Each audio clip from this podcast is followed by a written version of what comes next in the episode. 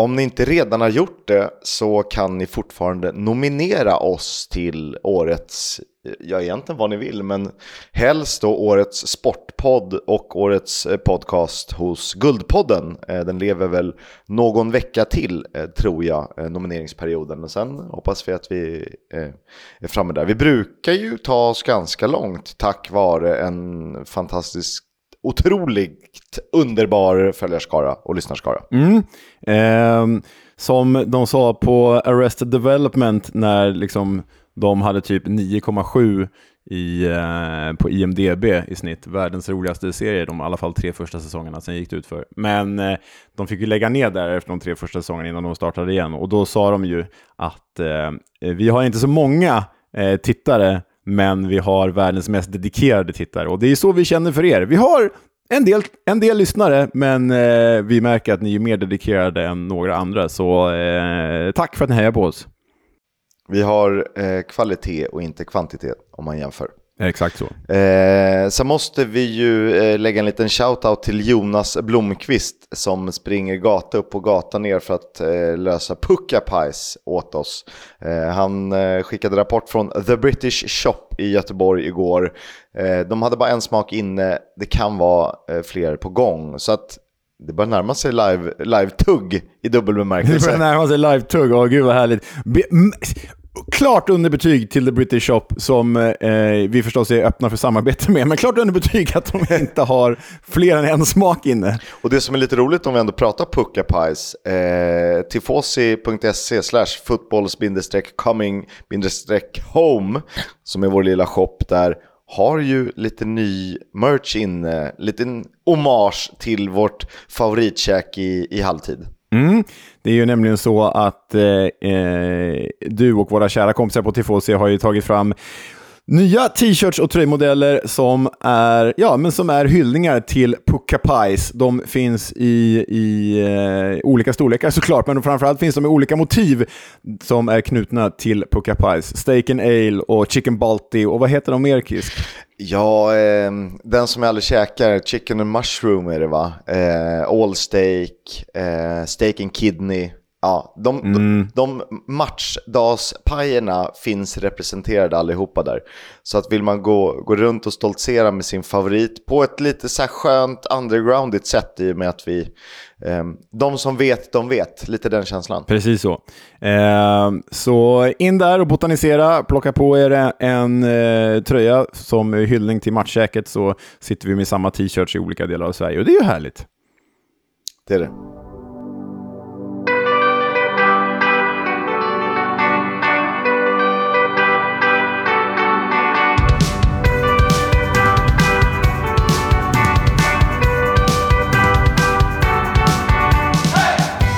Du lyssnar på Footballs Coming Home, en podcast om Championship League 1 och League 2 och eh, om Pucka Pies med mig Oskar Kisk och eh, Leonard Jägerskiöld Velander, alltid närvarande. Än så länge i alla fall. Eh, vår, vår kidney till min steak eller något sånt där, hur man nu säger. du, är, du är alen till min steak. Tack. Så är det. Tack bättre svenska. Om jag är lite hes så är det för att jag var på den så kallade tidskriftsgalan igår och hoppades på pris. Det vann jag inte så att jag var besviken. Ehm, men det var väldigt högljutt så jag pratade mycket, då blir man hes. Och då låter man så här. Är du liksom, är du, eh, börjar du bli mediebranschens eh, svar på, på Michel Ballack, den eviga tvåan? Jag tycker du är nominerad till massa positiva priser hela tiden, men, men kommer bara tvåa hela tiden också. Ja, jag är ju mediebranschens Sven Nylander. Ja, bra. han var i och för sig alltid fyra, men utanför det där. Nej, det är svårt att tävla mot eh, någon som gör en grej kring BUP-upproret som naturligtvis är viktigare på ett helt annat sätt. Sen vidhåller jag ju att eh, fotbollen och idrotten som enande kraft är otroligt viktig för att hålla eh, barn, och ungdomar och vuxna borta från skräp. Så kan man väl säga. Mm. Mm. Vi ska prata fotboll naturligtvis. Eh, vi ska landa i den fredagsmatch jag så innerligt hoppades få se. Och så sköts den upp av någon jäkla storm. Ja, men det var ju det här liksom stormen över, över hela norra Europa egentligen. Och jag hade också sett fram emot den här. Eh, min My mrs jobbade ju, som hon gör vissa kvällar. Och eh, jag hade, det hade liksom blivit typ första matchen jag hade sett från New York eh, Stadium sen vi var där. Eh, men den eh, ställdes ju in, eller ställdes in, den sköts upp. För att eh, kanalen vid arenan var ju översvämmad och en del av ingångarna till arenan var lika så översvämmade, liksom tågstationen. Ändå var det ganska märkligt beslut, för beslutet att matchen sköts upp kom liksom först tre timmar för avspark. Då hade ju liksom hela Ipswich-skaran hunnit sätta sig på tåg till norrut. Men det blev alltså ingen match, så eh, tyvärr eh, för oss som hade tre Ipswich-spelare i Gaffer. Just det, men jag gissar väl att det blir en dubbelgång, eh, du, dubbelgång, dubbelomgång lite längre fram. Jag är faktiskt en bit, jag tror 50 poäng före dig i, i Gaffer. Ja, ah, det går så sjukt dåligt för mig kan man ja. Ja, men det, jag, vi är långt ifrån toppen för att se liksom, och bevaka typ samtliga matcher hela säsongen. Mm, nej, men det, är, det är då man börjar övertänka, vet du. Det är då man liksom så här... Oh, man gör för mycket, man mixar för mycket. Ja, så är det nog. Eh, lördagen spelades det matcher på också. Den första tillordningen mellan Preston North End och Millwall. Det slutade kryss. Ja, och det här var ju en speciell eh, tillställning för Millwall, för det var ju deras eh, första match efter att Gary Rowett och klubben gått skilda vägar. Mer om det i nyhetssegmentet. Men då var det Rowetts assisterande manager Adam Barrett som ledde Millwall i den här tillställningen. Och det blev ju faktiskt ändå en helt okej okay poäng för Millwall. 1-1 borta mot PNI på Deepdale skojar man ju inte bort. bort. Mm, givet Pinis start och att de fortfarande tycker jag är ett ganska kompetent lag så får den här poängen ses som eh, väldigt, väldigt stark. Kanske mest anmärkningsvärda för Pini då att Ched Evans var tillbaka i truppen efter den nackskada som hållit honom borta sedan april. Det höll ju på att kosta honom hela karriären, eller resten av karriären, men han är alltså tillbaka i spel. Eh, roligt för honom.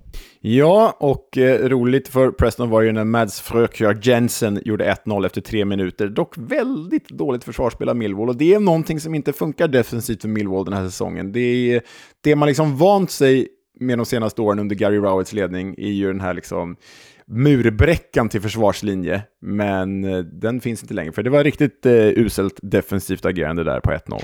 Eh, det var det man, man kunde få dåliga insatser från Millie förr, men du kunde inte få många, särskilt inte i rad. Och eh, det är någonting som inte stämmer, absolut.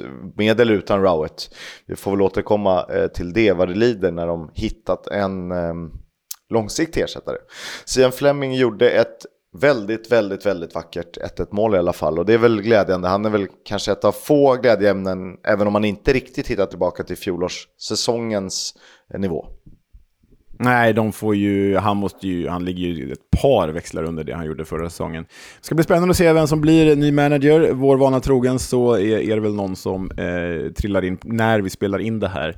Eh, Neil Warnock har ju nämnts som favorit enligt oddsättarna. Det är helt jäkla sjukt alltså. Det är helt sjukt. Vilken kraft Warnock och Millwall skulle vara tillsammans. Herregud alltså.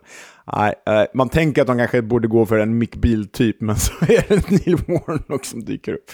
Ah, overkligt. Ja, man hoppas att det är, no offense eh, knock, men lite mer långsiktig. Blackburn Cardiff slutade 1-0, detta sedan Joe Ranking Costello sköt matchens enda mål i den 53 minuten.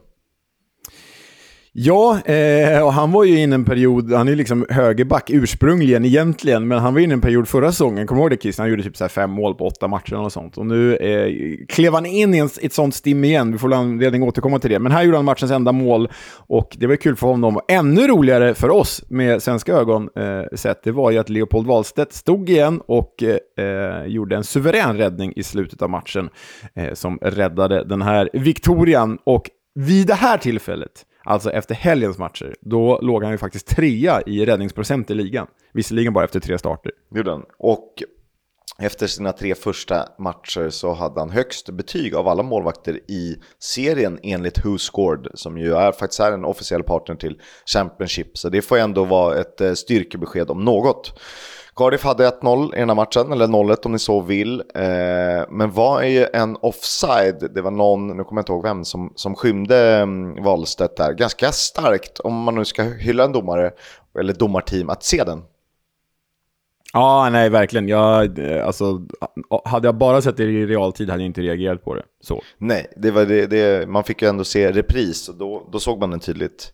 Eh, eller ja, någorlunda tydligt. Roligt att Joe Rankin Costello spelade tia, eller de spelade med dubbla tior, honom och Sami Smodic. Kul ju. Ja, det, det är en jäkla lösning faktiskt. Och en eh, riktigt bra gafferlösning som vi håller hemlig eftersom att han står som försvarare där. Eh, ja, men han är skadad i helgen, eller? Mm, ja. Exakt. Eh, Cardiff tyckte jag såg ganska bra ut i den här matchen. Det var en jämn fight. Eh, hade nog kunnat gå åt vilket håll som helst. Det, han, ja, det laget som gjorde första målet vann matchen. I det här fallet blev det Blackburn. Bristol City vann också med 1-0 på hemmaplan. Det gjorde de mot eh, Coventry. Eh, gästande Coventry var ju spelmässigt överlägset, men eh, skapade inte så mycket chanser som man skulle kunna önska. Nej, men alltså vad jag har läst och sett så skulle jag säga fullkomligt överlägset Coventry. Alltså de hade ju på den här höjdpunkterna två exakt likadana lägen. Eller Sims var väl det ena, jag kommer inte ihåg vem som hade det andra direkt efter, där de liksom bara ska bredsida in den på, det är bara målvakten framför dem och så lägger de båda utanför vänstra stolpen. Nej, jag förstår inte hur Coventry kom ifrån den här matchen utan att göra ett mål. För jag säger det igen, börjar bara Sims eller någon annan i det där laget göra mål så är de som sämst sexa när säsongen summeras. Men de har svårt att ersätta Gyökeres målproduktion. Istället blev det ju då Bristol City som vann med 1-0 efter mål av Rob Dickey. Ja, och det var ju första målet för Rob Dickey i Robins mot Mark Robins. Det tyckte jag var kul. Ja, just det. Kul. Eh, det var ju för övrigt också Kisk, mötet mellan de två tränare som suttit längst på sin post i The Championship. Eh, Robbins har ju faktiskt suttit där i över sex år och Nigel Pearson har suttit där i två år och åtta månader. Då har man alltså suttit näst längst på sin post i The Championship. Det är helt sinnessjukt. Okej, okay. vad är liksom, om vi gör en pest eller kolera, vad är sjukast? Att eh, Nigel Pearson har lyckats klamra sig fast i två år och åtta månader som manager för Bristol City med blandade resultat, eller att näst längst managerskap i serien är två år och åtta månader. Ja, det är ju faktiskt, och att det är just det Nigel Pearson. Nej, det är, jag vet, jag tycker nog ändå två år och åtta månader som längst är det sjukaste. Det är så enormt underbetyg till den här seriens kontinuitet måste jag säga. Det är det. Eh, Coventry har ju förlorat eh, fyra matcher, eller hade i och med den här matchen förlorat fyra matcher. Den gemensamma nämnaren är att alla lag heter City. Stoke, Leicester, Cardiff och nu Bristol. Det här är statistik jag gillar Kiss. Det här är inte något påhitt. Det här är på riktigt. Det är liksom, City-förbannelsen. Det är liksom helt, det är helt eh, onödigt vetande. Tyvärr förstördes den i veckan. Men vi, vi ska inte gå händelserna i förväg så långt. Men, eh, Fullkomlig galenskap. Fy fan vad bra. Ja, 1-0 ja. till Bristol City i den matchen alltså. Eh, bottenfight, åtminstone förmodad sådan, när Huddersfield tog emot QPR. Mm, och det blir ju 2-1 till The Terriers här. Ledde med både 1 och 2-0 innan Jake Clark Salter reducerade för QPR. Men du, det här var alltså QPRs fjärde raka seger. Och det låter ju... Det är klart det är dåligt, men... I, nej, förlåt. QPRs fjärde raka förlust. Och eh, det låter ju dåligt, men inte jätte dåligt i liksom QPR-mått mätt. Men vill du höra något som är jättedåligt? Vid det här tillfället, den här förlusten innebar alltså att QPR bara tagit 28 poäng på de 42 senaste ligamatcherna. Alltså sämst av alla i The Championship under samma period. Och det här var ju i princip på dagen som de låg etta i The Championship förra hösten. Mm. Ja, det är...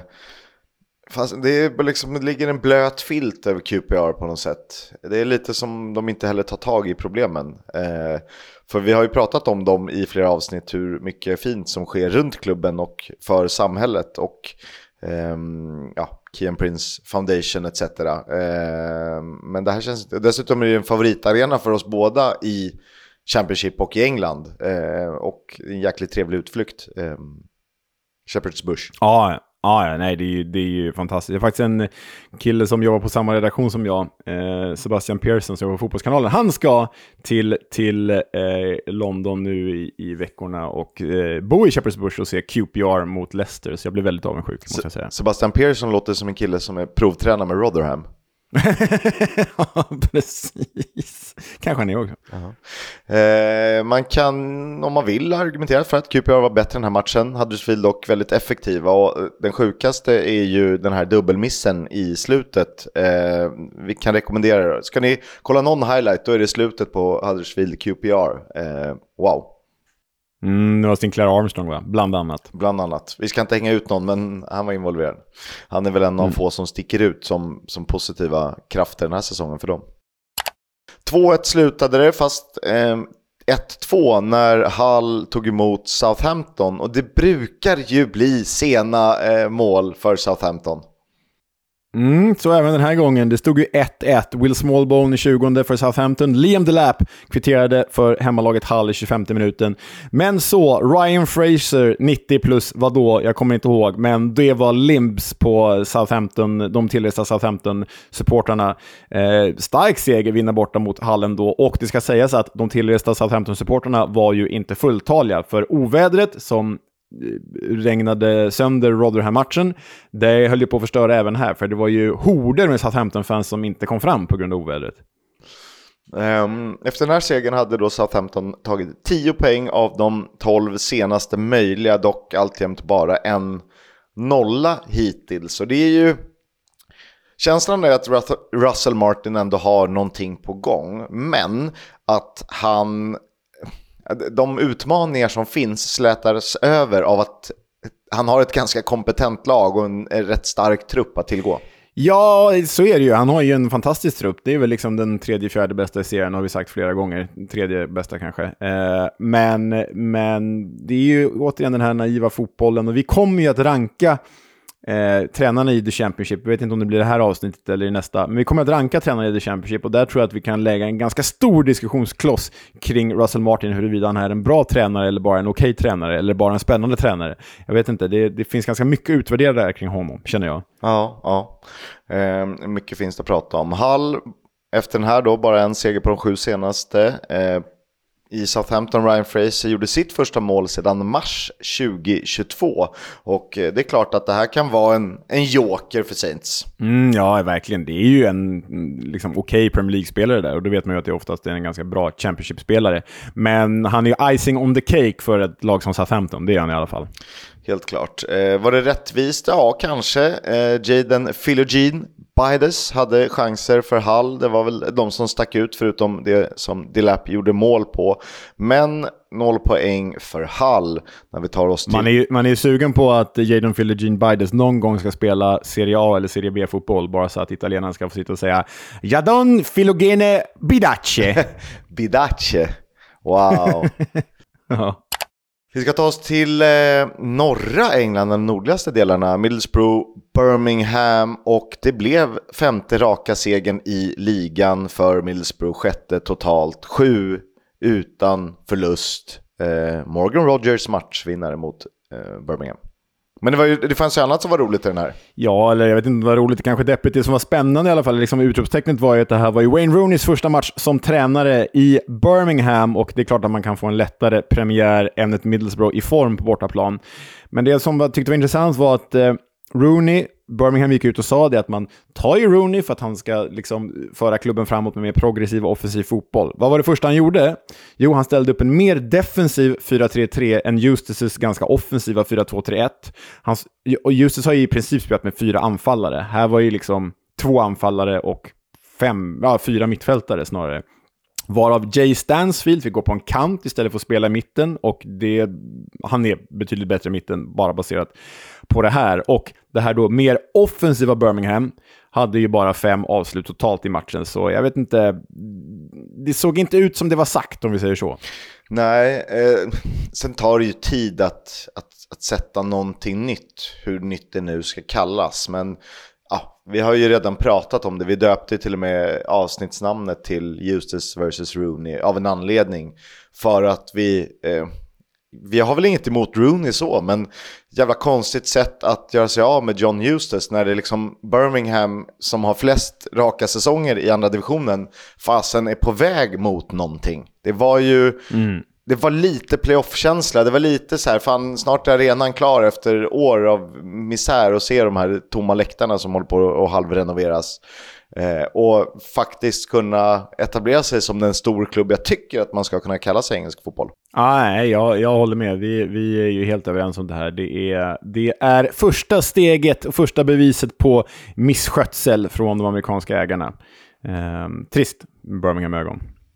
Sen är jag ju väldigt tveksam till att Josh Coburn ska vara lösningen på topp för Borough, men jag ogillar inte Coburn, jag tänker bara att eh, det finns mer. Men det kanske vittnar om styrkan i laget att ha den typen av spelare eh, och att det funkar. Eh, Matt Crooks har ju, ser ju ut att ha växlat upp rejält för Borough. Ah, nej, men Borough är ju, känns ju som, eh, ja, förutom eh, Leicester Ipswich känns ju som seriens bästa lag eh, just nu. vi hade dem väl som tvåa i vårt tips inför säsongen, där lär de kanske inte hamna, men alltså trea helt plötsligt, nej, det känns ju inte, känns ju inte ologiskt. Nej, fortsätter det så här så ska ju Middlesbrough spela playoff, kanske till och med playoff-final. Så är det. Eh, ett lag som borde kunna göra det eh, i sina bästa stunder är Norwich. Ett lag som eh, inte ser ut att, vara i närheten av något annat än jävla mittenplats. Är ju Norwich ibland. nej, det här är... Nej, men förlåt, det är ett jävla underbetyg. Norwich möter alltså Leeds tar ledningen med 1-0 genom Shane Duffy av alla jävla människor. Utökar till 2-0 genom Gabriel Salah. Och kommer ni ihåg Johan Elmanders mål mot, är det Wolverhampton? När han liksom bara, tro, inte trocklar, det är för fult ord, han liksom dansar sig genom eh, motståndarförsvaret och placerar in den i, i bortre stolpen. Gabriel Sarah gör ju en repris på, på det målet här. Riktigt läckert mål och gör 1 plus 1 i den här matchen. Det utgångsläget har alltså Norwich, men de förlorar ändå med 2-3. Ja, det är... Sen är det så här, det är inte så att de förlorar mot eh, Sheffield Wednesday eh, efter typ så 72 raka förluster. Utan det är ett lead som ändå är, är, bra och det är en Crescencio Summerville som liksom hittar någon Super Mario-form. Men fan, kom igen på hemmaplan. Det är ju... Jag undrar om de inte behöver se över tränarsituationen. Inte för att David Wagner behöver vara en dålig tränare, men för att... Där är vi oense. Det ska vi också diskutera när vi rankar tränarna. Ja, jag tycker att det finns en sämre tränare i Championship, men det här funkar inte. De har ju ganska bra lag. Eh, fin... Norwich ja. ja, de har ju en trupp för playoff. Ja, Inget snack. Ja, och Gabriel Sara som, ja, när han gjorde det här målet, åtminstone en av tre, seriens tre bästa spelare. Jag säger ju kanske den bästa hittills. Eh, sen kanske han inte bär laget på samma sätt som man borde göra, men så jäkla skicklig fotbollsspelare. Nej, men jag vet inte om du kommer ihåg att jag sa det i guiden Kisk, men jag var ju redan då inne på att de gjort en Stoke och West Brom den här sommaren, Norwich. Att de har värvat liksom för mycket gamla, tunga, faded footballers. Alltså, de har ju byggt sitt lag på Shane Duffy-figurer den här säsongen. Och jag vet, jag gillar ju inte det att man plockar de här liksom lite för dåliga Premier League-spelarna som också har blivit så gamla så att de kan vara mätta på, på sina karriärer. Och så ska de ner och liksom försöka spela upp ett lag ur The Championship. Jag tycker man ser det ofta, att de som vänder sig till de här mer rutinerade Erik Peters-personerna hänger ut en, en spelare i West Brom. Um, det brukar inte gå så bra i min känsla och där tycker jag att Norwich har landat den här säsongen. Ja, det, ja du, du tänker på typ en värvning av Ashley Barnes som för övrigt i och för sig var, var ganska bra när Norwich var ganska bra. Ja, sant. Lång diskussion. Erik Peters har väl typ varit helt okej okay för ett ganska bra West Brom. Eh, men eh, jag är helt med dig på, på den diskussionen att man förlitar sig på kanske lite på fel spelartyper och karaktärer. Ja, ett Norwich då också som liksom har en av de bättre akademierna i Storbritannien. Jag menar, Ballymumba släppte de för 10 miljoner kronor till Plymouth. Han hade ju kunnat färga i det här laget, känner man ju. Ja, typ ta en plats istället för Hernandez, även om det är inte en dålig spelare. Släkt är det värst, sa Daniel Farke. Mm. Eh, hans mest framgångsrika period som tränare i karriären var ju i Norwich, och nu fick han sänka Norwich istället. Så the jokes on them. Eh, så är det. Eh, Leeds vann ju ändå rättvist om man ser till siffrorna. Ja, så var det. Rödvit, randigt derby när Stoke tog... Roy Delap-derbyt? Ja, eh, Alex Neil-derbyt. Ja, ännu mer i och för sig. Stoke Sunderland. Eh, det blir ju 2-1 här. Eh, det jag tar med mig främst, Kisk, att det var ju första målet av Mayahi. Ryan Mamey. Hur ska man uttala honom? Mamey. Jag kör på Mayahi. Fan vad schysst. Dragosted inte. Mm, så hette den, just det. Men det var hans va? Eh, ja, det såg ju ut som det, absolut. Men det dömdes inte för det. Och sen fick ju faktiskt Luke McNally avgöra Coventry-värvningen för Stoke. Så 2-1 till Stoke mot Sunderland, spelar ingen roll att Jack Clark gjorde mål. Här eh, överraskade The Potters. Var det rättvist? Nej, förmodligen inte, men de är rätt bra i de här matcherna, Stoke. Så tunga och eh, så länge de är effektiva framåt så, så funkar det ju. Mm. Nej, det, det finns ju potential i det där gänget. Jag har ju mm, pratat ner dem ganska mycket, framförallt eh, Alex Neil och hur han behandlar den där truppen. Men eh, hittar de rätt så är de ju svårbesegrade, helt klart. Swansea såg ju rätt bra ut för ett par veckor sedan, men det, det, eller för några dagar sedan, någon vecka sedan. Eh, men det hjälpte inte mycket när de tog emot ett Leicester som efter 3-1 då noteras för den bästa starten efter 12 omgångar någonsin. Och det är första gången ett lag vinner sina sex första bortamatcher under en säsong i andra divisionen. Ja, och så sjunde raka segern då den här säsongen. Alltså, de, de är ju... Jag ser att du har skrivit här i körschemat att de känns ju inte alls som Fulham för två år sedan eller Burnley förra året. För de var ju mer spektakulära. Men jag skulle nog säga att skulle de tre klubbarna, de tre lagen med de tre årgångarna spela en miniserie mot varandra, alltså Leicester nu, Burnley för ett år sedan, Fulham för två år sedan, så tror jag ändå att Leicester som skulle gå vinnande ur det här, för de är liksom maskinen, medan de andra hade fant mer fantastiska spelare. Ja, på något sätt har ju en som Maresca hittat ett otroligt framgångsrecept. Eh, det är så svårt att jämföra olika. Eh, men det är klart att man, man glömmer ju inte Fulham för två säsonger sedan i första taget. Det gör man ju inte. Nej, framförallt mitt, Mitrogol. Nej, men Leicester här, alltså det är bara stänga av den här serien, plocka bort första platsen, lägga upp dem i Premier League och så kan vi fortsätta sen. Så, så får vi se hur det går. Leicester är ju klart, liksom. de kan förlora 100 matcher och ändå gå upp.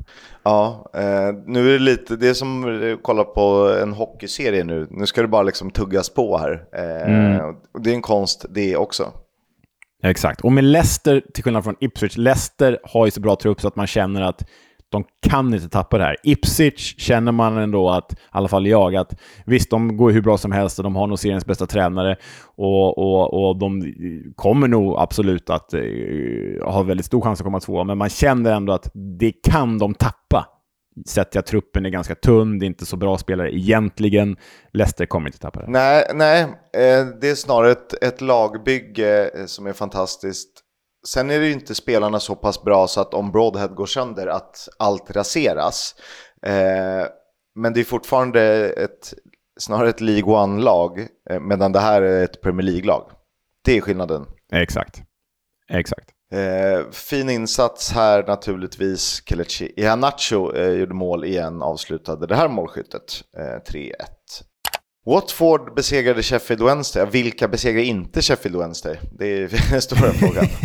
Det, och om det var den bästa starten för Leicester någonsin så är det här den sämsta starten av ett lag någonsin efter 12 omgångar med tre poäng då, Sheffield Wednesday. Alltså det är så typiskt att just vårt gäng ska bli det. Jag tycker det är, det är ändå, det, dels är det någon slags deppigt fotbollsskimmer över att vi väljer, lyckas välja det sämsta laget någonsin i Championship-historien att heja på. Men samtidigt ger det oss mer kredibilitet, Kisk. Det är inte någon jävla Real Madrid eller PSG vi går och hejar på. Vi hejar på fucking Wednesday, bottom of the League. Så come at us bro. Um, nej, men eh, jag tycker ändå att så här, det här var ju Daniel Röhls första match som tränare i Wednesday. Det såg faktiskt helt okej okay ut. Och de släpper in ett sent mål borta mot Watford, 0-1. Det är inte... Ah, det är kanske inte där de ska gå ut med en Victoria. Visst ah, att man har hoppats på en bättre start, men 0-1 bort mot Watford där statistiken är hyfsat jämn. Ah, det är väl ändå en okej okay inledning som Wednesday-tränare. Ja, eh, Vicarage Road kan vara jobbigt i perioder. Vi vet att det finns kvalitet i Watford. Det är väl inte det Sheffield Wednesday eh, skulle ha börjat med under Danny Röhl. Ehm, till exempel en sån som Yasser Aspria som ju är lite av en joker, eh, särskilt i den här matchen han hoppade in och blev hyfsat sen matchvinnare. Um, Wednesday hade, det sa du inte va, att de hade bara tre spelare kvar i startelvan från uh, matchen innan mot Huddersfield. Nej, och det tycker jag också var väl rätt väg att gå, för nu plockar han ju tillbaka liksom hela det här Darren Moore-gänget från League One, de som faktiskt var samspelta och de som rönte stora framgångar förra säsongen mer än de här skräpspelarna som kom in under sommaren. inte fantastiska spelare Dan Moores bygger heller, men jag menar de är ändå samspelta. Och, och, ja, jag tyckte det var rätt väg att gå i alla fall, sen gav det inte resultat. Eh, West Brom spelade 0-0 hemma mot Plymouth. Inte jättemycket att säga mer än att Cooper var tillbaka i Pilgrimskassen, fick beröm. Eh, har väl ganska bra betyg och eh, fina siffror så att det är klart det här kan vara en, en viktig comeback för, för Argyle. Absolut, och då har Connor Halstad inte på något sätt varit dålig. Han har varit okej, okay. han har varit 3 plus. Men eh, det är ju skönt för dem att de ändå har Cooper, som väl var bästa målvakten i League One förra säsongen. Det som är lite fördelen för, för Plymouth är ju att det är så många andra lag som är jättedåliga. Eh, åtminstone två och ett halvt. Tre. Två och ett Två jättedåliga och två mm, ganska svaga. Eh, nu måste jag, säga, måste jag sätta här. Alltså två jättedåliga, det är ju förstås Wednesday och QPR. Och två ganska är Rotherham och ja, Huddersfield. Alltså, det, bara kolla ja. tabellen. Ovanför dem har vi ju ja. Coventry. Kunde jag också ha gjort. Coventry, Swansea, Plymouth, Stoke, Millwall. Det är ju lag som inte har där att göra och inte kommer ha det på det sättet. Eh, Nej. Om, vi, om vi räknar poäng sen. Precis.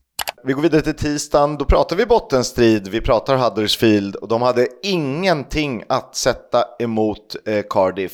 Fast kollar man siffrorna så är det ju typ jämbördigt. Ja, men man ska ju göra något med siffrorna också. Det gjorde ju Cardiff. De gjorde 1-0 i andra minuten, 2-0 i 12 minuten, 3-0 i 43 minuten, 4-0 i 55 minuten. Fyra olika målskyttar och så startade de, som du smsade till mig, med Carlin Grant, Josh Bowler och Callum Robinson, CR47 tillsammans. Vilken trio alltså. Herregud Kisk. Wow. Ja, men det är lite, eh, Carlan Grant blev min gubbe och Callum Robinson blev lite din gubbe, för de hade lite fint samarbete. Jag trodde på Grant som skyttekung. Och Josh Bowler är ju ja, spelmässigt en personlig favorit eh, och var jävligt härlig att se i Blackpool. Jag var glad när han kom tillbaka till Championship. Men sen är jag ju nog förmodligen den enda som printscreenar en bild på laguppställningen i eh, Cardiff borta mot Huddersfield en tisdagkväll och skickar till dig. Eh, eller skickar till någon överhuvudtaget. Ja, skickar till någon Fan vad kul att de startar. Ingen bryr sig i hela Sverige. Nej, det är, nog bara, det är nog bara du och jag som har den interaktionen. Och stackars Kevin får hänga med på den, på den chatttråden också. Ja. Uh, nej, men det, det, det var ju faktiskt mer sånt Kiss. Det gjorde mig glad när jag fick, fick det meddelandet. Ja, men jag, ehm. kollar, jag kollar nästan alltid eh, startelvor och hittar någon, hittar någon roligt case. Eh, Lee Nicholson konstant i Huddersfields mål såklart. Han hade en ganska svag form för dagen. Mm, det hade han och eh, ja, nej, han var inte superstabil, det kan man inte påstå. Såg riktigt trött ut på typ två av de där eh, eh, agerandena. Sen eh, fick ju faktiskt Perry, mm, eller NG som engelsmännen säger, hänga dit en frispark också. Det är ju alltid glädjande. Mm, han är ju fan, spelar i sig upp som en av de bästa försvararna. Verkligen. Det är väl lättare som ytterback än mittback ibland, men eh, otroligt insats hittills. Eh, sen Huddersfield pressade ju på när matcherna, eh, när matchen led liksom mot sin sista halvtimme och då, då var det mer eller mindre över eftersom det stod 4-0. Det, det ska mycket till att göra fyra mål här mot ett bra Cardiff under Errol Bulut och bara en seger på sex matcher sen Darren Moore tog över. Mm, det är ju inte tillräckligt bra för Huddersfield, faktiskt. Det är inte bättre än Neil Warnock liksom de, det de hade kunnat göra är att låta honom köra till januari, februari, ligga där på nedflyttningsplats och sen tar de in Neil Warnock.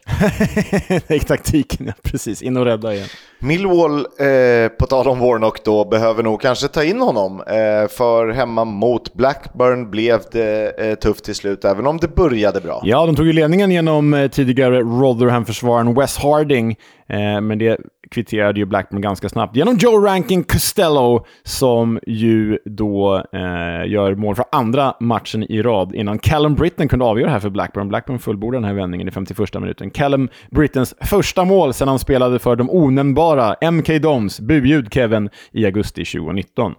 Mm, litet misstag på Leopold Wahlstedt i, um, på, på, på 1-0 målet då för Millwall. Men jag tycker att han revanscherade sig, spelade upp sig och känns som en trygg kraft där. Han är jävligt stor och respektingivande som målvakt. Det är inte så att man kliver upp som 1,79 och, och ska upp en nickduell på, på hörna mot honom. Nej. Det känns som man Alltså, Då får man ett knä i sidan. Om han får behålla sin första plats nu när, när Ainsley Pierce kommer tillbaka, vilket jag hoppas att han gör, så tycker jag att det råder inga som helst tvekan om att Leopold Wahlstedt och Viktor Johansson och Robin Olsen ska vara de tre svenska landslagsmålvakterna när nästa landslagscykel kickar igång. Inget ont om Kristoffer Nordfeldt, bra, duglig målvakt, men nu behöver vi nog blicka framåt, känner jag.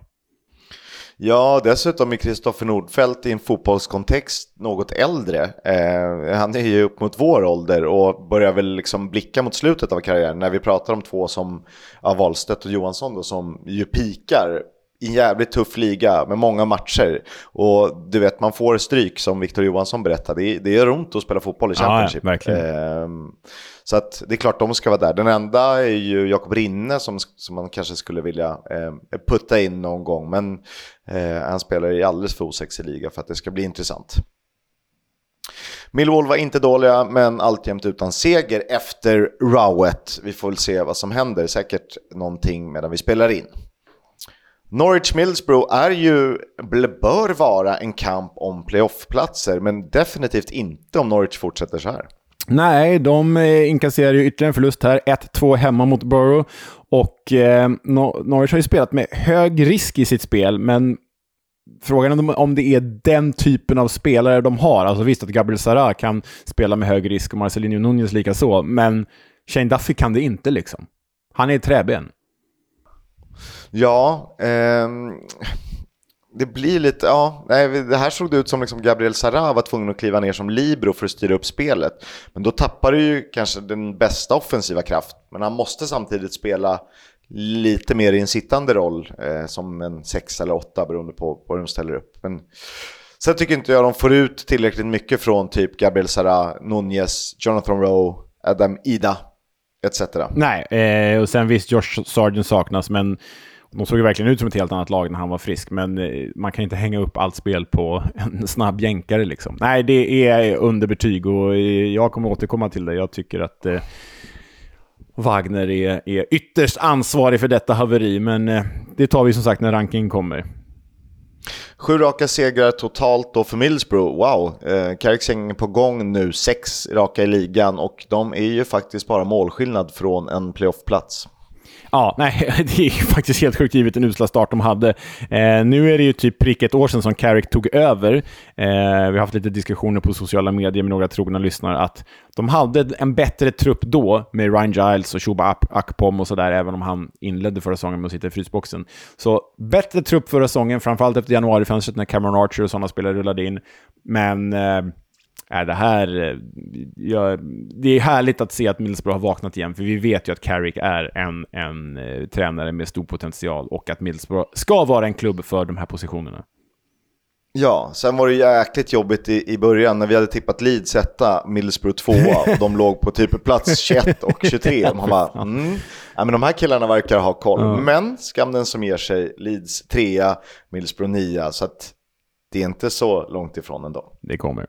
Swansea-Watford var ju jäkligt rolig med svensk ögon för allas vår vänsterback eller offensiv mittfältare eller vad nu spelar. Eh, Ken Sema, King Ken, blev matchvinnare med en jävla jättekanon till vänsterslägga. Ja, han bara bryter in i banan och så kör han egentligen, du vet, när man har klivit in så, tagit steget in som man gör där från vänsterkanten, då är det ju oftast ett högerskott som kommer. Men han kör ju på med vänsterfoten där och bara upp i vänstra krysset. Det är en jäkla träff alltså. Och skönt för honom, han har gått skadad, vad är det nu, en månads tid.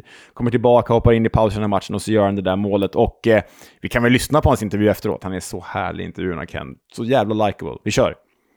And I've got to ask the supporters as well. You received a fantastic reception. They were singing your name.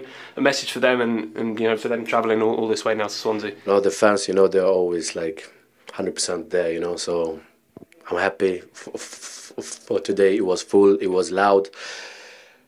Guys, you, you you mean so much to us as a team and as a group. So keep shouting, keep it loud, and uh, let's go again on Saturday against Millwall at home. Vi gillar King Ken. Han, är, han är svår att inte tycka ja, om. Nej, det är ju liksom svensk fotbolls mest sympatiska spelare. Swansea hade tveksamt bortdömt 1-0 mål i den här matchen, men vad gör väl det? Och eh, vi ska föra till protokollet att Daniel Bachmann, österrikaren och Kevins vän, Eh, skötte sig mycket bra den här matchen. Han har varit lite för mycket upp och ner den här säsongen, men när han är bra är han ju omutlig. Du, nu kommer jag ju liksom avslöja mig själv här, men det här lärde jag mig häromdagen och det kanske säger mer om mig, för jag trodde att jag var bra på geografi. Men vet du vilken som är världens näst största tyskspråkiga stad? Världens näst största. Ja, världens näst största. Den största är ju Berlin, punkt liksom. Men vilken är världens näst största tyskspråkiga stad? Ja, det, är- det är en kuggis för det finns någon eh, koloni någonstans. Eller ska Ah, svaret vara vad roligt. All, alla jag frågar brukar landa på kolonierna där. Jag är- tänker, jag, jag hade ju svarat, ja, vilken kan vara tvåa? Är det Frankfurt eller Stuttgart eller eh, München kanske? Hade jag ju nog svarat, rent logiskt. Mm.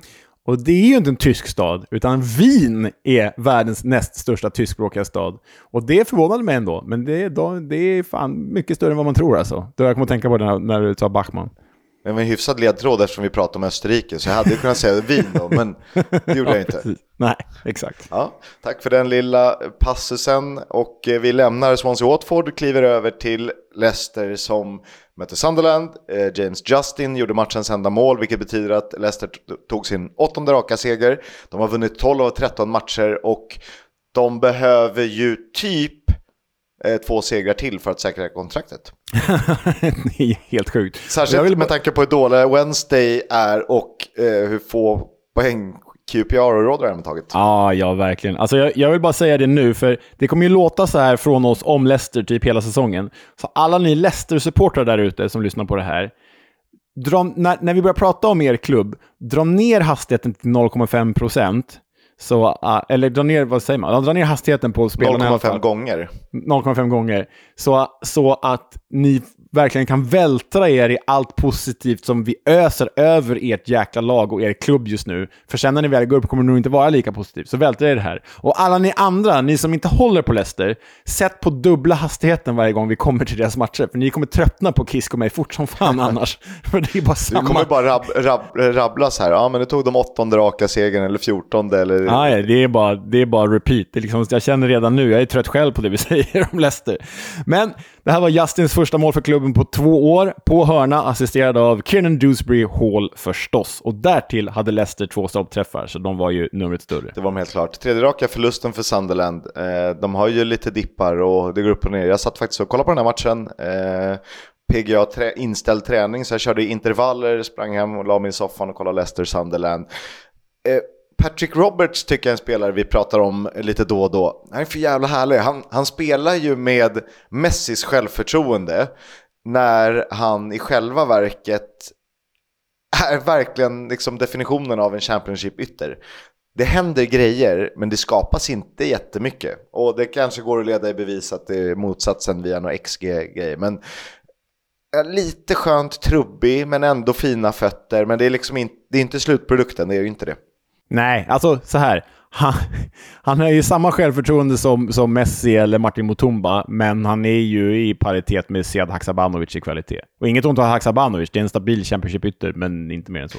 Eh, Nej, eh, och det är väl därför, det finns väl en anledning till att han spelar där han gör, eh, som man brukar säga. Um, Så är det. För övrigt Fulham Legend, Patrick Roberts. Fulham Legend, Ja, han är ju fostrad där. Slog hur många igenom. matcher har han gjort för Fulham? Men typ noll. Han stack väl jättetidigt. Legend, okej. Eh, Om vi pratar om Leicester vi pratar om Leicester och vad de har att se fram emot nästa säsong så kan vi ju titta på Luton, Burnley och Sheffield United som på, efter nio omgångar spelat ihop sammanlagt 10 poäng. Så det är nog inte helt jäkla enkelt och eh, Fulhams insats som ändå Europalag gör det hela ännu mer imponerande. Eller Europa-aspirant. Nej, men jag, ja, och det var ju mycket tack vare Mitrovic. Jag, jag, min, jag är typ rädd för att Fulham ska åka ut. Jag, min känsla angående det där, bara kort. Burnley har typ haft det tuffaste spelprogrammet av alla lag i Premier League hittills. Jag tror att Burnley kommer lyftas ur det där. Däremot Sheffield United och Luton lär vi få återse ganska snabbt i den här podden. Eh, Sheffield, ja, Sheffield United har en poäng. Så att, eh, det är nog inte helt omöjligt. Fan, jag orkar inte ha Sheffield United igen. Trist. Nej, man är så jävla, jag skulle säga det, så jävla trött på United. Sheffield United alltså. Jag är trött på er. Stanna där uppe, vi vill inte ha er. Inte mer trött på någon, klubb, någon annan klubb än dem alltså. Åh, Och särskilt inte Sheffield eftersom vi liksom eh, väntar och väntar på att de och Wednesday ska spela i samma serie. Det hade varit jäkligt fett. Eh, Ja. Men det är en anledning till att jag vill ha ner dem. Ja, och tror du inte Sheffield Wednesday går ut och förstör hela säsången? Ja, Ah. jävla sopor alltså. Fan, hatar Sheffield. West Bromwich Albion mötte QPR, VBA QPR. 2-0 eh, blev den matchen och mycket tack vare, eller på grund av att Jimmy Dunn tog en utvisning i den 58 minuten. Efterföljande straff sattes av Brandon Thomas Asante eh, och då var det ju inte mycket. Men eh, matchen var lite sen. PGA sen bortabuss. Sånt är ju roligt, det känns väldigt superettanskt. Ja, det var ju så att de fick skjuta matchen 10 minuter. Det är ändå, det är ändå kul. Nej, men ehm, eh, jag sprang ju faktiskt på eh, häromdagen i Täby centrum, som det heter uppe i förorten. Ehm, sprang jag på min kompis Jespers pappa, som är trogen lyssnare till vår podd. Han som gav dig Luton-muggen en gång i tiden, du vet. Den står hemma i, i skåpet. Mm. Eh, det är så att eh, han, eh, vi, vi stannade vid och pratade, vi beställde mat båda två på samma ställe och så pratade vi lite grann och han lyfte att han liksom... jag måste säga att jag känner med honom, jag känner med dig för för han har liksom vurmat för, för Luton, nu vet jag att Luton är ju liksom inte alltid varit världens bästa lag, och så har han vurmat, vurmat som djurgårdare vurmat för IK Frej, och så blev de en jävla Hammarbyförening, och det är ju trist. Och så nu avslöjar han att han vurmar för QPR och bara, ja, det är ju härliga klubbval hela vägen liksom, men... Kan inte han börja heja på Cardiff eller någonting som vi inte gillar? MK Dons, så de försvinner i seriesystemet. Börja hemma på, börja heja på MK Dons, exakt. Ja, Jag måste säga, jag börjar vända, eh, tack vare offensiva trion och eh, Perry NG, så börjar jag vända kring Cardiff, så jag ska inte kasta någon skugga över dem. Nej, jag börjar också, jag är lättköpt, jag känner samma sak idag. Onsdag spelades också fotboll, eh, den första matchen då kronologiskt mellan Birmingham och Hull och slutade 0-2. Och det här betyder ju att Wayne Rooney har förlorat sina två första matcher som manager mot sin tidigare lagkamrat eh, Michael Carrick, respektive sin före detta assisterande tränare i Liam Rowe Senior. Ja, och eh, enligt rapporterna så saknades mycket av den fighting spirit i Birmingham som fanns eh, under John Justas vid rodret. Och faktum är att eh, när matchen gick mot sitt slut och Hall Hull stod som klara segrare så buade St. Andrews ut sitt eget lag. Så Wayne Rooney, de har ju inte gett honom de bästa förutsättningar heller. Alltså, han, jag fattar att han vill ta det här jobbet, det förstår jag. Men han kommer ju in i en jävla uppförsbacke när han ska ersätta en tränare som det gått bra för och som varit populär hos fansen. Det är... Ja, det är... Det kommer bara bli pannkaka här Kisk. Alltså, jag lovar dig, från och med den här punkten när han första tränare blir sparkad.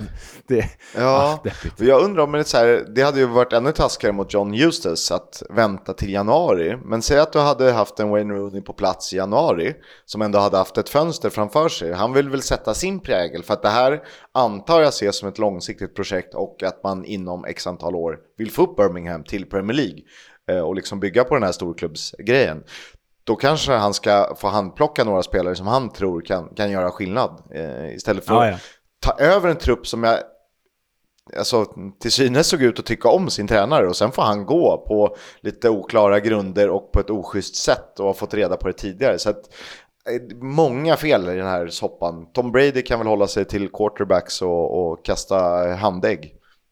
Ja, men du vet, alltså...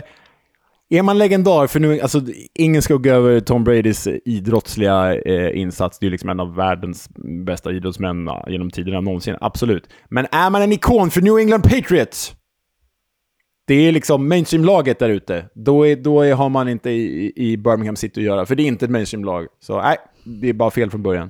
Fel från början eh, blev det här. Eh, Bristol City tog emot Ipswich och eh, vi får kalla dem otroliga Ipswich. Ja, Nathan Broadhead med matchens enda mål. Ipswich vann ju med 1-0 och jag ställer frågan nu. Är Nathan Broadhead den bästa, sämsta spelaren i The Championship Ja. den här säsongen? Eh, det var ett snabbt ja, svar. ja, eh, väl, man ser honom som en kille som åker ur med Wigan efter att ha gjort sex mål på, på 38 matcher. Han har tagit ett rött och varit skadad några. Verkligen, verkligen så. Och nu har han väl redan gjort typ fem eller sex mål. Eh, Ja, ja, helt overkligt. Jävla random figur. Alltså man vet ju att skulle han spela någon annanstans än Ipswich hade han inte varit bra.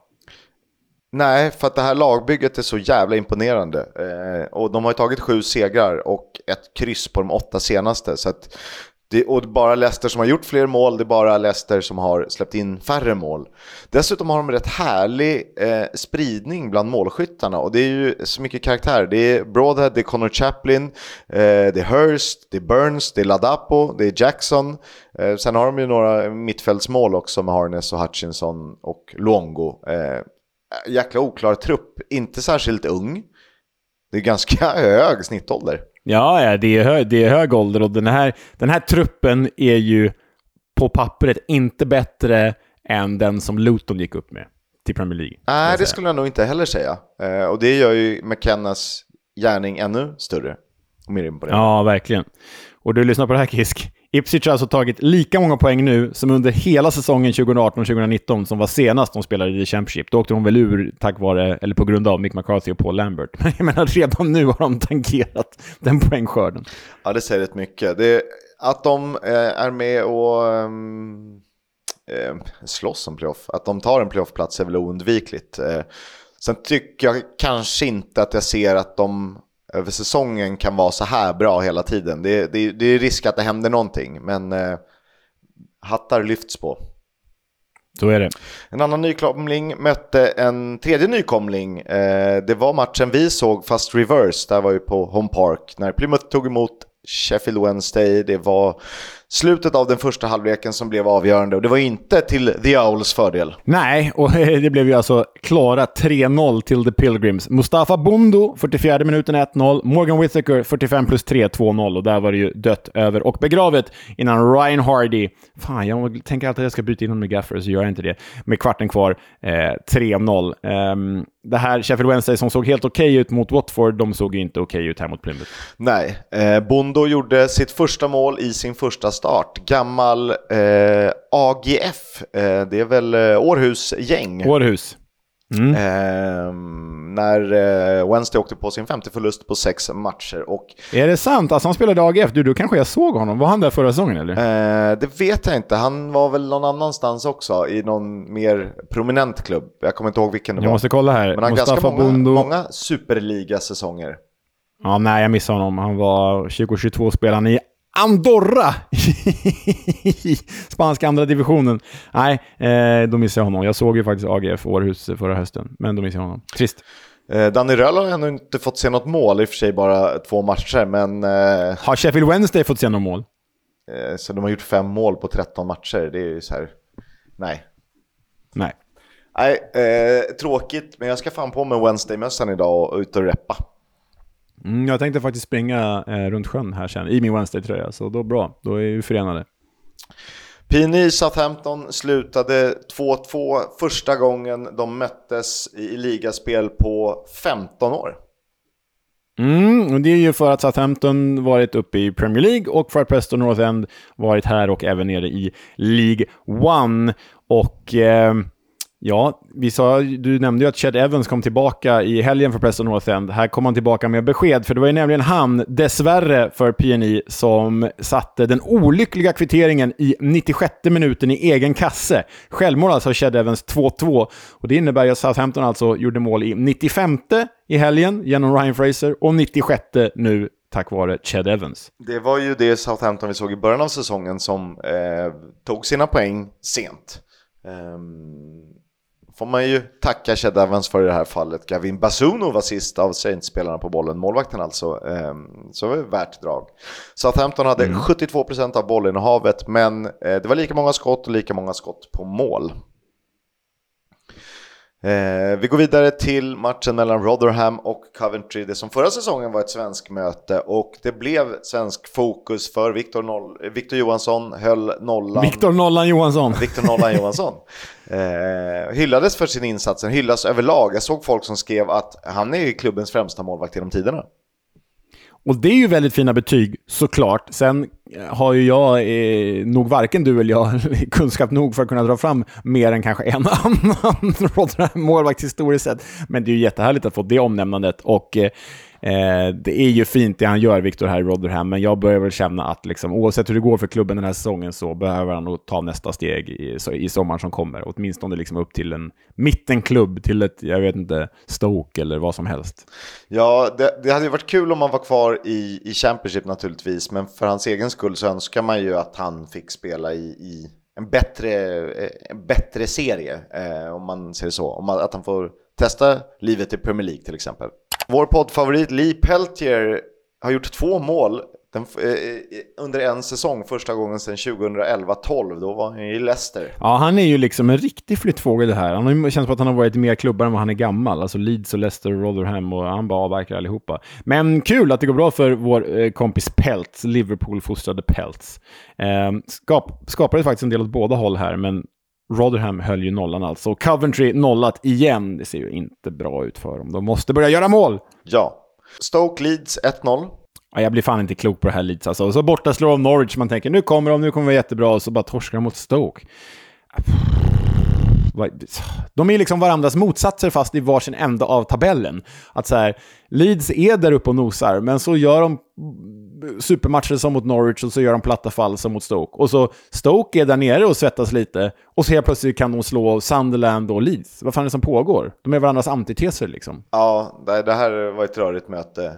Um, lider lite med Patrick Bamford som missade straff i typ 75 eller något sånt där. Han har inte gjort mål sedan april. Eh, sen vände spelet, sen kunde ju Stoke göra segermålet. Tack vare självmål, Pascal Ströjk. Mm. Eh, många självmål i det här avsnittet känns det som. Eh, ja, nej men eh, Stoke visar ju att de har potential genom att slå Sunderland och, och Leeds på bara ett par dagar och Leeds får skärpa sig. Footballs Coming Home sponsras av Stryktipset, ett spel från Svenska Spel, Sport och Casino. För dig över 18 år. Stödlinjen.se. Ja, men det är jackpot på 14 miljoner i helgen på Stryktipset och jag landar såklart i match 6 mellan Cardiff City och Bristol City. Ett så kallat Seven-side derby. Det brukar ju kunna vara lite hetsk stämning där. Cardiff ser ut att bli favorit här, men kanske inte en av de absolut största favoriterna. Där har vi väl Arsenal och Ipswich på den här kupongen. De är ett klart, eh, eh, klart mer välmående lag, bör kunna ta tre poäng här. Men det är ett derby och det brukar vara spänd stämning. Eh, de som eh, har eh, också, Bristol City har ju Swansea som lite kompisgäng där nere ibland. Jag tror ju att Cardiff ska kunna vinna den här matchen. Eh, jag väljer nog faktiskt att spika den här. Eh, det får bli veckans säkra från min sida. Leo, vad ser du fram emot i helgen? Nej, men det är ju ingen fredagsfight, tyvärr. Däremot två tidiga lördagsmatcher, varav den ena är Leeds mot Huddersfield. Och det är ju ett Yorkshire-derby, Kisk. Det gillar man ju. Eh, sen ska jag ju förstås, förstås eh, eh, fördjupa mig i någonting annat lite längre ner i tabellen. Och jag tror faktiskt att jag landar på usch nu såg jag att det är Sheffield Wednesday Rotherham. Men den, den är på söndag. Eh, av lördagsmatcherna så är det Watford Millwall ändå. Jag vill se var det här Millwall är på väg någonstans, om de kan rädda sig. Eller om Ken Sema har spring i benen. Ja, söndagsfighten, Sheffield Wednesday Rotherham, derbykänsla i den såklart. Eh... Ensam fight på söndagen, det gillar man ju. Vi lägger en match på söndagen och det är Sheffield Wednesday Rotherham. Ja, det är underbart. Och tänk om Sheffield Wednesday skulle vinna den. Ja, äntligen. Eh, sen har du ju måndagsfight, Coventry West Brom. Ja, kul! Det är ju Midlands Derby. Hela ja, men lite så. Mm. Eh, och jag ser den i Spanien. Det blir kul. Just det, du ska dit ja. Det betyder att ja. jag är ju ansvarig för avsnittet nästa vecka. Det gick ju bara ja. åt helvete. Ja. ja, det blir inga avsnitt. Det blir bara två nyheter. ja, precis. första, och första nyheten är att du är i Spanien. och, den, och den andra är att du inte är i Spanien. Ja, precis. Det har ju eh, pratats med eh, vdn i Rexham, Humphrey Kerr. Eh, det är Sportbladet som har gjort en intervju och det pratas mycket om att de vill värva nästa Alexander Isak. Eh, och det pratas en del om eh, svenska modeller och var man kan hitta spelare. För att det är väldigt stor skillnad på att ta in utlänningar som det ju heter till eh, League 2 och till National League. Det är rätt mycket lättare att kringgå systemet när man är uppe i pyramiden. Mm. Ehm, så har vi redan sagt det här, men Gary Rowett och Millwall har alltså kommit överens om att gå skilda vägar. Det är faktiskt viktigt att poängtera att Millwall inte sparkar Gary Rowett, utan de är överens om en uppsägelse av kontraktet. Och nu snackas det ju då om Neil Warnock, men Kisk, vad, vad tycker du att Millwall ska gå för om du tänker realistiskt? Nej, jag har inte kollat alla lediga, men när det nämns en sån som typ Mick Beal känns ju inte helt, eh, helt dumt givet hur, hur, laget är formerat och vad han har åstadkommit tidigare. Eh, lagom ung men ändå med lite erfarenhet. Va, va, har du någon namn som du kan droppa ur hatten direkt? Nej, Mick Beal och John Justus känns väl liksom som de självklara, men som sagt, jag har ju lobbat för John Justus i QPR, så det, det, står jag fast vid. Men jag vill vända på det här. Jag vill se var hamnar Gary Rowett? För förutom fadäsen i Stoke så har ju Gary Rowett varit en fenomenal tränare på den här nivån. Alltså, okej okay, plusresultat i, i Blackburn. Riktigt bra resultat i Birmingham innan de gjorde en John Justus mot honom. Eh, och här i Millwall, alltså, han var ju han har ju tagit Millwall från the depths of League One-känsla till att liksom bli en klubb som faktiskt nosar på playoff-platserna. Den klubb som först plockar Gary Rowett tror jag klart stabiliserar sig på den övre halvan i The Championship. Alltså, QPR går före om ni inte tar John Eustace liksom. Eller... Det finns flera klubbar som skulle må bra Gary Rowett. Dessutom finns, har han liksom suttit länge på sin post, vilket betyder att han kan ju göra saker på sikt om man får lite tid. Exakt. Chris Powell blir en del av Danny Röhls stab i Sheffield Wednesday. Klassiskt namn. Mm, gammal eh, Charlton-spelare ju. Gammal eh, Charlton-back. Det gillas. Eh, Wednesday fortsätter vi på. De får nämligen böta 50 000 pund för planinvasionen efter playoff-semin mot Peterborough i våras. Men det får det vara värt, känner jag. We'll have a chat about the fucking game. About your game, last few months, last few weeks. Fucking character. Nu är det ju lite, är jag ju lite um, på en annan nivå. Men jag tycker att Harry Redknapp är kategorin tränare som ju hade kunnat ha en Warnocks karriär om man inte hade haft en lite högre upp och gjort andra saker med andra klubbar. Eh, fantastisk i, i Tottenham där och då. Det var ju han tog ju klubben till första Champions League-äventyret någonsin. Men han har ju också sålt spelare och köpt spelare och eh, vi kan väl blicka tillbaka till en historia som är rätt rolig när han sålde Benjani Mouarouari till Manchester City. I sold Benjani to Man City, right?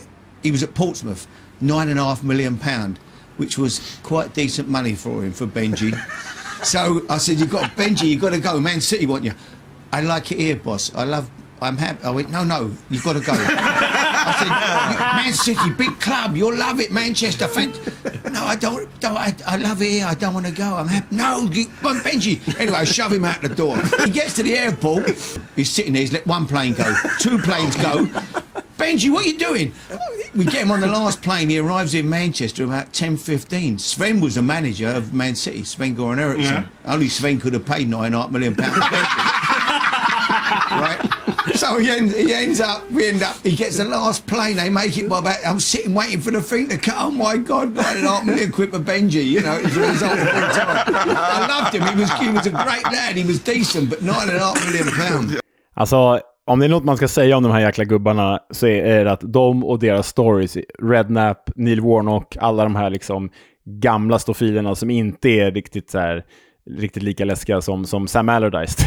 Det är rätt roligt att lyssna på och kring det som har varit och det som har försiggått med dem. Ja, stories finns det gott om efter långa karriärer och många dispyter med olika eh, karaktärer till spelare och andra ledare och domare och allt vad det är. Du, eh, det här avsnittet börjar gå mot sitt slut ju, men innan vi stänger, på tal om gamla tränarstofiler, har du sett Soccer Slammers? Ja. Alltså, vi måste ju... Jag har ju säkert gjort det, du har ju säkert gjort det, men det är så roligt för er lyssnare som missat det här. Alltså, det är ett konto på sociala medier som heter Soccer och så underscore Slammers. Och jag tror att det är gjort med AI, Kisk. Det är väl inte något som har gjort det på riktigt, va? Eller hur? Nej. Nej, men det är alltså någon som med hjälp av AI tagit fram actionfigurer som föreställer gamla engelska tränare i form av wrestlingbrottare. Så Sam Allardyce, han är beväpnad med en pint of wine. Herr Redknapp är beväpnad med en car door.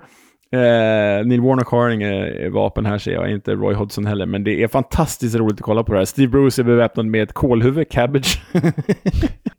Så in och kolla på Soccer Slammers. Det är fantastiskt roligt alltså. Och nu har de ju lite nya har ju dykt upp här. David Moyes har dykt upp och... Nämnde du Roy Hodgson? Ja, Ja, Legod Tissier finns ju med. Nej, eh, sjukt roligt. men Jordan Eh, Pickford har dykt upp också med, med dinosauriearmar här. De måste ha gjort det här med, ja exakt. De måste ha gjort det här med eh, AI i hopp om att, eh, att folk, man kan ju donera för att få det här att funka. Jag hoppas att de vill göra det på riktigt. Jag vet inte vad Nigel Pearson, hans actionfigur, har en stuffed ostrich som vapen. Alltså det är fantastiskt det här. Det här skulle ju sälja. Skulle du göra det på riktigt så skulle de ju sälja direkt alltså. 100%. Det är väl klart. Eh, vem, om du inte fick ta Neil Warnock som känns så given, vem skulle du ta? Oj, ehm, man vill ju ha en med, med som har ett litet vapen och då går ju liksom tyvärr eh, några bort, bland annat Roy Hodgson. Man vill ju gärna ha en tränare. Jag att Jamie Vardy finns berättad med en Red Bull, men jag vill inte ha en spelare, jag vill ha en tränare. Ehm, jag tror att jag faktiskt då vänder mig till Steve Bruce med kolhuvudet, alternativt Tony Pulis med extra kepsen. Själv då? Eh, alltså, eh, David Moyes med kontra... Nej! Tony Pulis med kepsen. Dra pipsvängen. Ja, den, Den är, är otrolig. Alltså. I Ja, kallingar är- också. ja, de här bilderna måste upp Kisk, för eh, Ja, men den, har, ju- den, den har jag delat för länge sedan. ja, otroligt roligt detta. Alltså. Mycket bra. Otroligt bra. Hörni, eh, tack för idag. Tack till Stryktipset. Eh, glöm inte att köpa Pucka Pies merch. Det är värt det, jag lovar. Och nästa vecka rankar vi alltså tränarna i The Championship. Jag tror att vi kommer diskutera eh, Russell Martin extra mycket och så tror jag att vi kommer vara väldigt oense kring David Wagner. Så det blir kul. Vi får väl se. Ciao! Hej!